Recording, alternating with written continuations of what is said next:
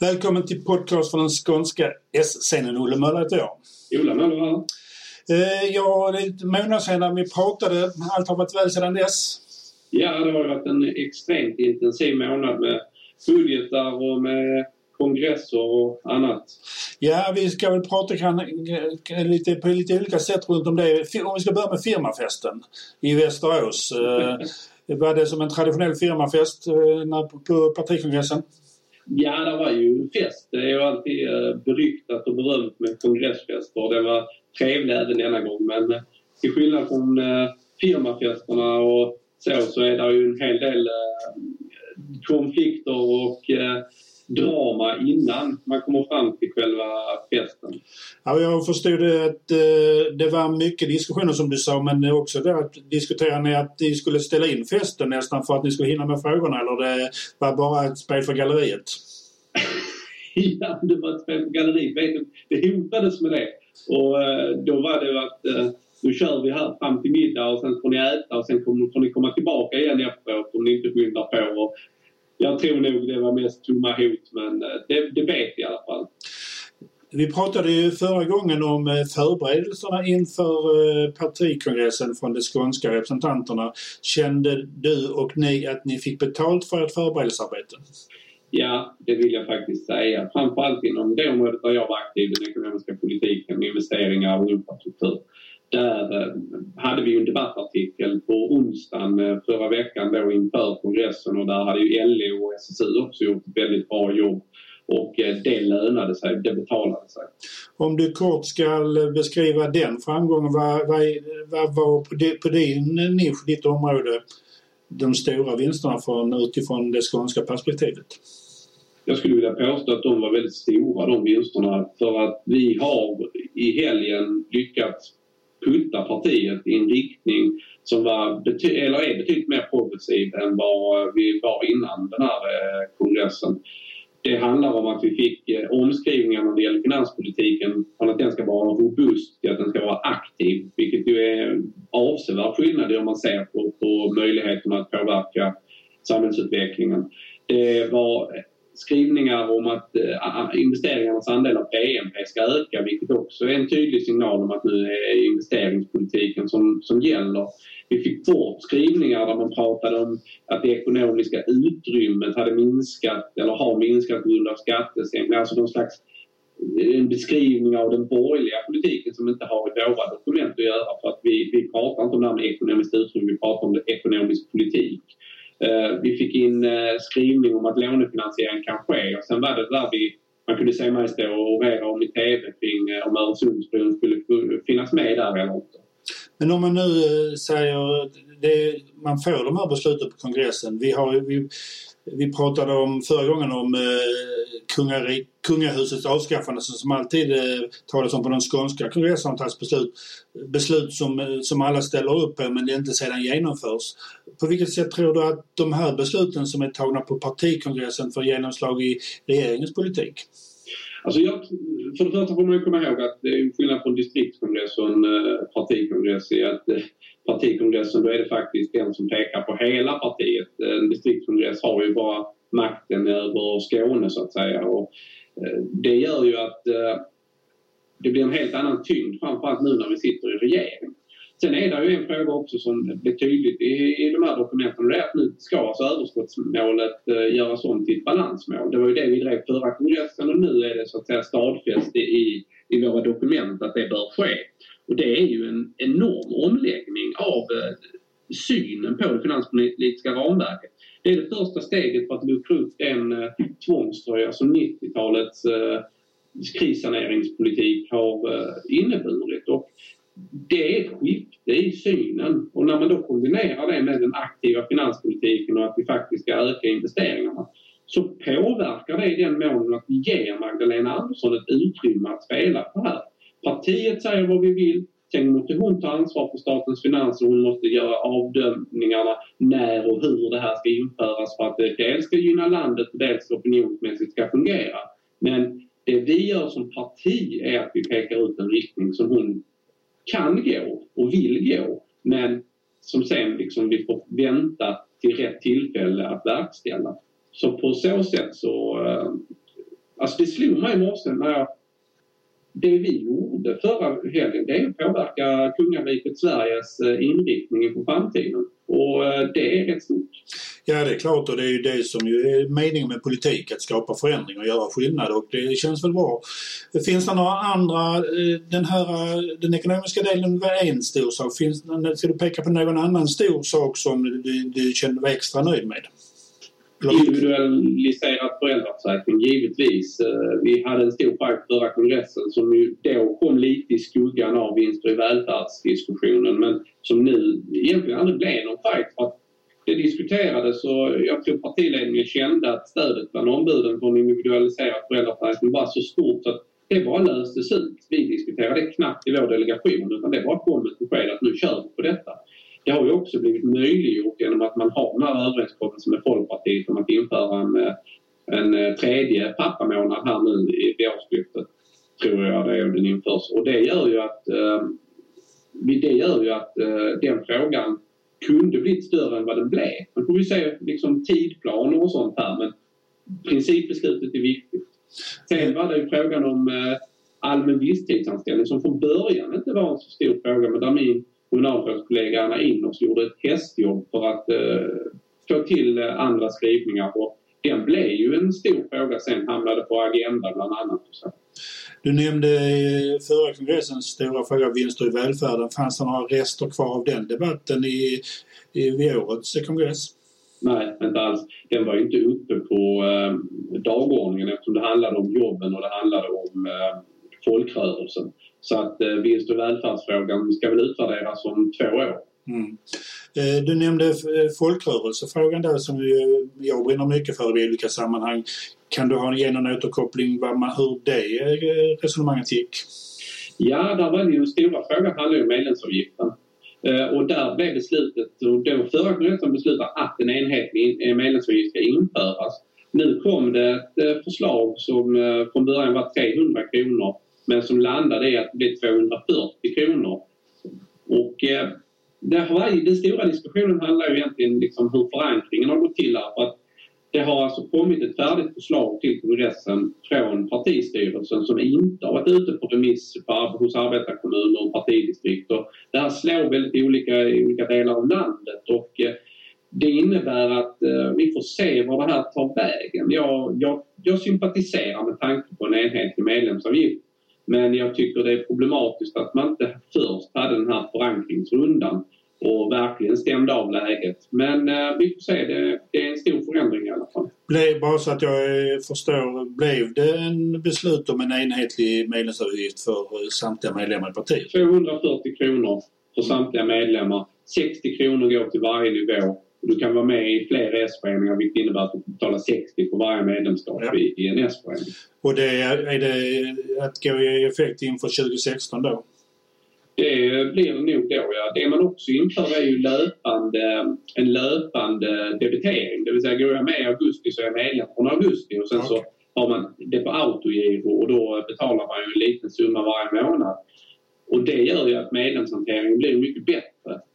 Ja, det är spännande. Eh, vi har pratat om de stora frågorna som har synts i media och att eh, finns det, fanns det några andra frågor som inte hade samma mediala uppmärksamhet som vi skulle kunna lyfta fram som, eh, som intressanta och viktiga? Det är ett viktigt signalvärde i beslutet att HBTS nu adjungerade in i verkställande utskottet. Man kan ju diskutera om det är rätt eller fel att eh, man bildar riksförbund och sen får möjligheten att sitta med. Men nu när de faktiskt är med så tycker jag ändå det ska lyftas upp. Och det är som sagt en viktig signal att vi har med HBT-frågorna i vårt VU eh, på så att säga regelbunden basis. Sen så var det två motioner som i slutet av kongressen gled igenom. Den ena handlade om eh, höjd semesterersättning, har jag för mig det var, och ehm, den vann den motionen mot partistyrelsens eh, avslagsyrkande. Och sen var det en annan motion som jag tycker är viktig också. Det var utökad återanställningsrätt från, sex, äh, från, ursäkta, från 9 till 12 månader. Och det är rätt så... Ja, det är lustigt för det var liksom precis i slutet. Alla var trötta, det gick undan som tusan, det hade varit lite strul. Bland annat havererade voteringsanläggningen så vi fick köra manuell räkning på all, alla voteringar. Och då eh, gick det lite troll i det och då klippte vi till partistyrelsen i två motioner där. Så att, eh, det var roligt. Om vi bara tittar på det nationella planet eh, utifrån regeringsperspektivet då så tycker jag man måste fundera lite grann eller resonera lite grann kring samverkan med Miljöpartiet på det nationella planet. Det finns ju lite grann åtminstone mediala vinklingar med, eh, med Miljöpartiets eh, erfarenhet att sitta i styrande positioner på den nivån. Vad har du för resonemang och funderingar kring det? För det första ska man ju vara klar med att de mediala vinklingarna är helt beroende på vilken media man läser och det ska man nog ta, eh, inte ta allt tungt på för det, det finns ett syfte med det att uppmåla en spricka här. Men det jag tycker är än mer anmärkningsvärt är ju att det kommer ju intern kritik Miljöpartiet, bland annat från Peter Eriksson, den gamla språkröret som ju kritiserade eh, sitt eget parti för att de eh, svävar på målen i en del frågor. Han kritiserade ju S, hur eh, samarbetet fungerade.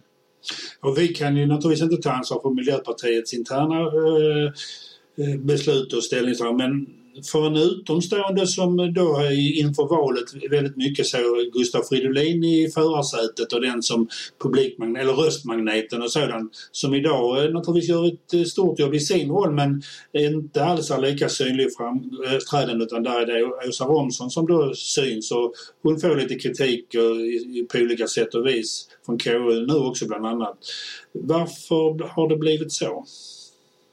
Jag läste en väldigt intressant artikel i tidningen Fokus. Det var porträtt av både Stefan Löfven och av Åsa Romson. Och det är nog så att Åsa Romson är ju en idealist med väldigt stor kunskap om miljöpolitiken. Hon är ju någon professor i eh, någon miljögrej.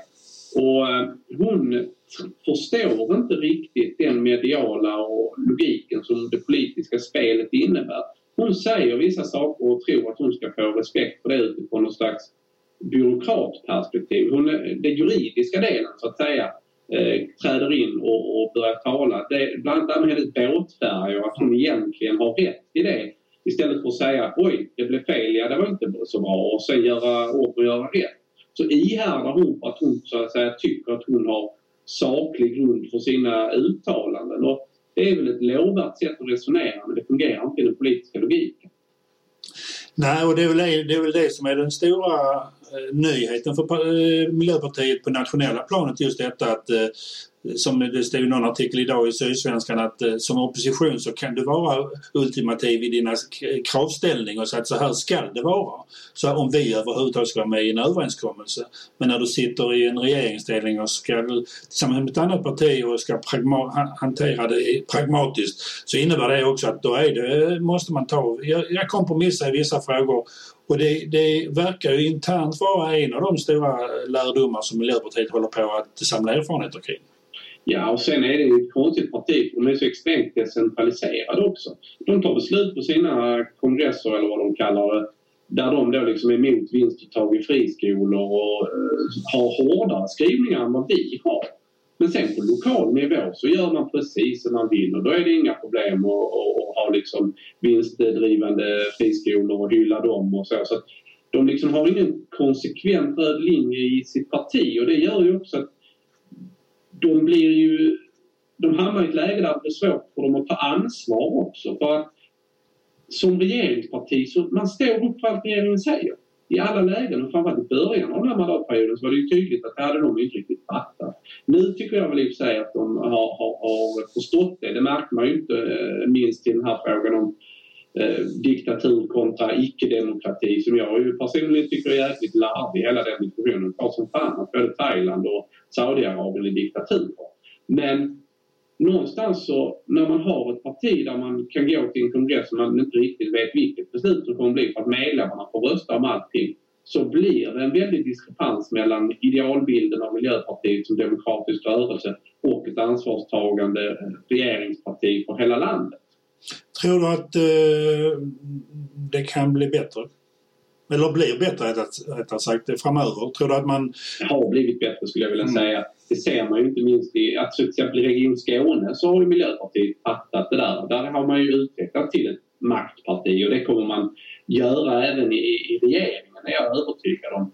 Sen kommer de alltid vara ett idealistparti så länge de så att säga håller den eh, fanan som de håller nu. Sen blir de ju utmanade av till exempel Feministiskt initiativ där många aktivister går över och Miljöpartiet har ju gått ifrån liksom att vara där Feministiskt initiativ är idag när, där var ju Miljöpartiet på 80-talet till att idag vara ett väletablerat parti. Nu sitter de i regering första gången, kommer att ta väldigt mycket lärdomar av det. De kommer att förstå att, eh, att de eh, måste ta ansvar. Men det kommer ju också göra dem mindre attraktiva från en av de här grupperna som hittills har stött dem. Nu ska vi inte spekulera ett par år i förväg va? men den här erfarenheten och det man, man lär sig maktens spel på det nationella planet kan det finnas en risk att Miljöpartiet eh, kommer att agera som man gör i princip i alla regioner idag. Det vill säga att man kan eh, hoppa mellan majoriteterna. Det är väl en helt uppenbar risk men dels om man tittar eh, till exempel i Tyskland så har det ju, de ju inte gått den vägen utan där är de ju ett eh, parti som står så att säga till vänster i, i eh, politiken rent värderingsmässigt. Och eh, jag tror det är så i de flesta andra länder. För att på nationell nivå så blir det så uppenbart att skillnaden mellan högern och ett miljöparti som vill någonting med miljön och klimatpolitiken är så extremt stor. Medan på lokal nivå så har man inte frågor som bensinskatt, man har inte de stora klimatfrågorna. Vilket gör att där, där blir det mer vardagsfrågor och då är det lättare att enas. Likadant är det lättare att motivera sin existens genom att säga att ja, vi har fått till fler cykelvägar. Det är så Miljöpartiet i Helsingborg agerar. Liksom. Jag tittar på deras budgetalternativ nu och ser ju i princip ingenting av den så kallade gröna politiken utan det är ju jag vet inte riktigt vad de har fått igenom i, i, i den budgeten. Och det, det är ju så. Blir man, när man blir ett maktparti då är det viktigare att sitta vid positionerna än att eh, få igenom politiken och det är svårare på nationell nivå. Om vi tittar på den kommunala nivån och så är ju många, eller i princip alla kommuner mer eller mindre i, den, i budgetprocessen och eh, kommunerna har det tufft idag. Ja, eh, jag har ju turen att sitta i en kommun som har det väldigt väl förspänt i förhållande till många andra. Men eh, när man pratar med kollegor runt om i både i distriktet och landet så är det pannor i djupa veck över hur ekonomin ska gå ihop. Och vi har ju när i mina trakter eh, runt eh, Hjärup och Malmö-Lundområdet så har vi ju de traditionellt borgerliga kommunerna Lomma och Staffanstorp som båda eh, nu har flaggat för, eller framförallt Staffanstorp, där har den borgerliga majoriteten gått in och sagt att vi ska höja med 30 öre. Det är man inte van att höra från borgerligt håll. Nej, och det är ju liksom ett antal realiteter som börjar falla in här nu. När det gäller domarfallet så finns det ju en... Eh, det kommer ju bli en förändring i utjämningssystemet som väl kommer att drabba deras ekonomi eh, negativt, vilket inte mer, eh, är mer än rätt i det här fallet. Men det generella för kommunerna är väl två saker. Det ena är att engångsintäkterna från de eh, borgerliga åren med AFA-pengarna kommer eh, försvinna nu. Ehm, jag hörde vår ekonomidirektör här i Helsingborg säga att man, det kan vara sista året som de pengarna trillar in nu. Och de har ju räddat eh, kommunsektorns ehm, bokslut under många, många år här. Sen är det ju också den demografiska frågan som nu börjar eh, komma igång. Sen bor vi i vår del av landet så är det ju en väldig inflyttning och det gör ju att det blir ansträngda investeringsbudgetar och det kommer att kosta. Hur, eh, din bedömning nu efter ett antal år i, i kommunpolitiken, den här kopplingen mellan, eh, jag kallar det verksamhetsutveckling, att, att göra ett bättre liv, alltså eh, vad man vill göra kopplat till de ekonomiska realiteterna. Hur medveten är man om det egentligen och hur mycket diskuterar man det egentligen på kommunal nivå? Jag tror det finns en tydlig skillnad mellan höger och vänster här. Vänstern pratar väldigt mycket om verksamheten och eh, använder så att säga budgeten som ett medel för att förbättra verksamheten medan högern ofta ser budgeten och, och bokslutet som ett mål i sig. Jag eh, är ju lite orolig för att man eh, här i Helsingborg till exempel, anledningen till att vi har väldigt god så att säga, ekonomi är ju att bokslutet är plus. Och det man, ska man ha, det är helt givet. Men det har liksom hamnat i ett läge där verksamheterna får stå tillbaka och det är viktigare att bokslutet ser snyggt ut än att man kanske drar ner bokslutsresultatet lite och närmar sig en budget i balans lite mer och ser till att utveckla verksamheten eller höjer skatten. det är eh, en balansgång det där. Men jag är rädd för att eh, budgetens bokslut på sista raden blir allt viktigare och då glömmer man ofta bort att verksamheten måste utvecklas. Och nu när man då så att säga, börjar fundera på skattehöjningar lite runt om i Skåne Kommer, det att, kommer medborgarna att få klart för sig förstå den här kopplingen som vi pratar om här? Så jag hade ju hellre sett att man gick in och höjde skatten lite tidigare istället då för den här borgerliga lågskattepolitiken som de har drivit under åtta år och sagt att nu vill vi satsa pengar på verksamheterna och utveckla dem och så se till att hålla igång eh, verksamhetsutvecklingen. Istället för att man gör som man gör nu. Man sänker skatterna, man, verksamheterna får problem, investeringarna rusar iväg och så kommer man att säga att nu måste vi höja skatten. Alltså det är bättre att höja skatten i ett läge där man väljer att göra det än att man höjer skatten i ett läge där man är tvingad att göra det. För att jag eh, tror inte att eh, det är en bra politisk debatt att vara tvingad att göra saker. Eh, avslutningsvis Ola, så eh, om vi pratar skattehöjningar och liknande har vi pratat på, på kommunnivå men om vi pratar fotboll då. Eh, MFF fem poäng efter Göteborg. Är det kris i bygget? Är det dags att göra investeringar i nya spelare eller det kommer att rätta upp sig i slutändan? Jag har sett alla matcher nu utom eh, Åtvidaberg och så såg jag inte första halvlek mot Elfsborg. Och någonstans är det ju så att de här norrmännen som visst de har gjort en hel med del mål och det har varit mycket framspelningar och så. Men de har ju levererat ett sämre motstånd. I de matcherna när det verkligen har hjälpt något, mot AIK, mot Göte, äh, Göteborg och det var någon annan, även då Häcken till exempel så har norrmännen inte alls svarat upp mot de eh, förväntningar som är ställda på dem. Och eh, där är jag lite orolig. Det är, liksom man vinner inte allsvenskan på att vinna mot eh, Åtvidaberg med 3-0 eller 4-1 mot Sundsvall utan man vinner allsvenskan genom att vinna många matcher med 1-0 mot både bra och dåligt motstånd. Och eh, någonstans så måste man nog ta sig en funderare i Malmö om eh, över, över sommaren här vad man ska göra åt detta för det ser inte stabilt ut. Och det framförallt i försvaret har det ju lett som ett såll. Och där är ju inga norrmän. Nej, precis. Men jag tror det är så. Jag kopplar nog till att mittfältet inte riktigt fungerar. Mm. Alltså Lewicki är duktig men får agera för mycket städgumma. Adu är duktig men agerar bara städgumma. I det offensiva spelet när Ekhem trycker upp som tusan, man trycker upp ytterbackarna Alltså man lämnar väldigt mycket ansvar till Helander och Johansson och när man då inte har det där hjärtat och vänder hem som eh, man gjorde förra året så blir det problem. Om du nu skulle, som, nu, nu har du ju snackat som en politiker utan att svara på min fråga. Det vill säga, kommer det att lösa sig? Klart det kommer. Malmö kommer att vinna det här.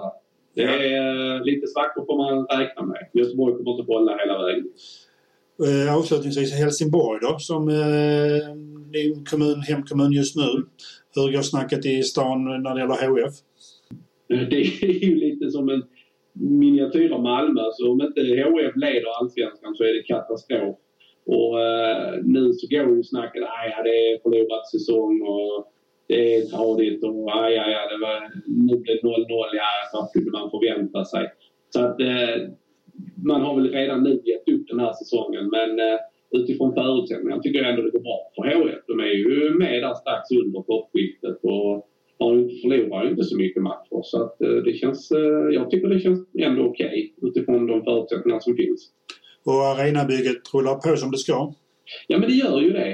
Eh, det första, den här södra läktaren är ju uppe nu och man har påbörjat på utsidan på de andra delarna. Så att nej, det, det är roligt att se. Det växer som tusan uppe. Och därmed får vi väl tacka för dagens samtal. Vi har väl en ambition i varje fall att hinna med ett eh, avsnitt till innan semestrar och liknande och eh, vi håller tummarna på alla håll och kanter. Tack för idag. Tack. Hej. Hej.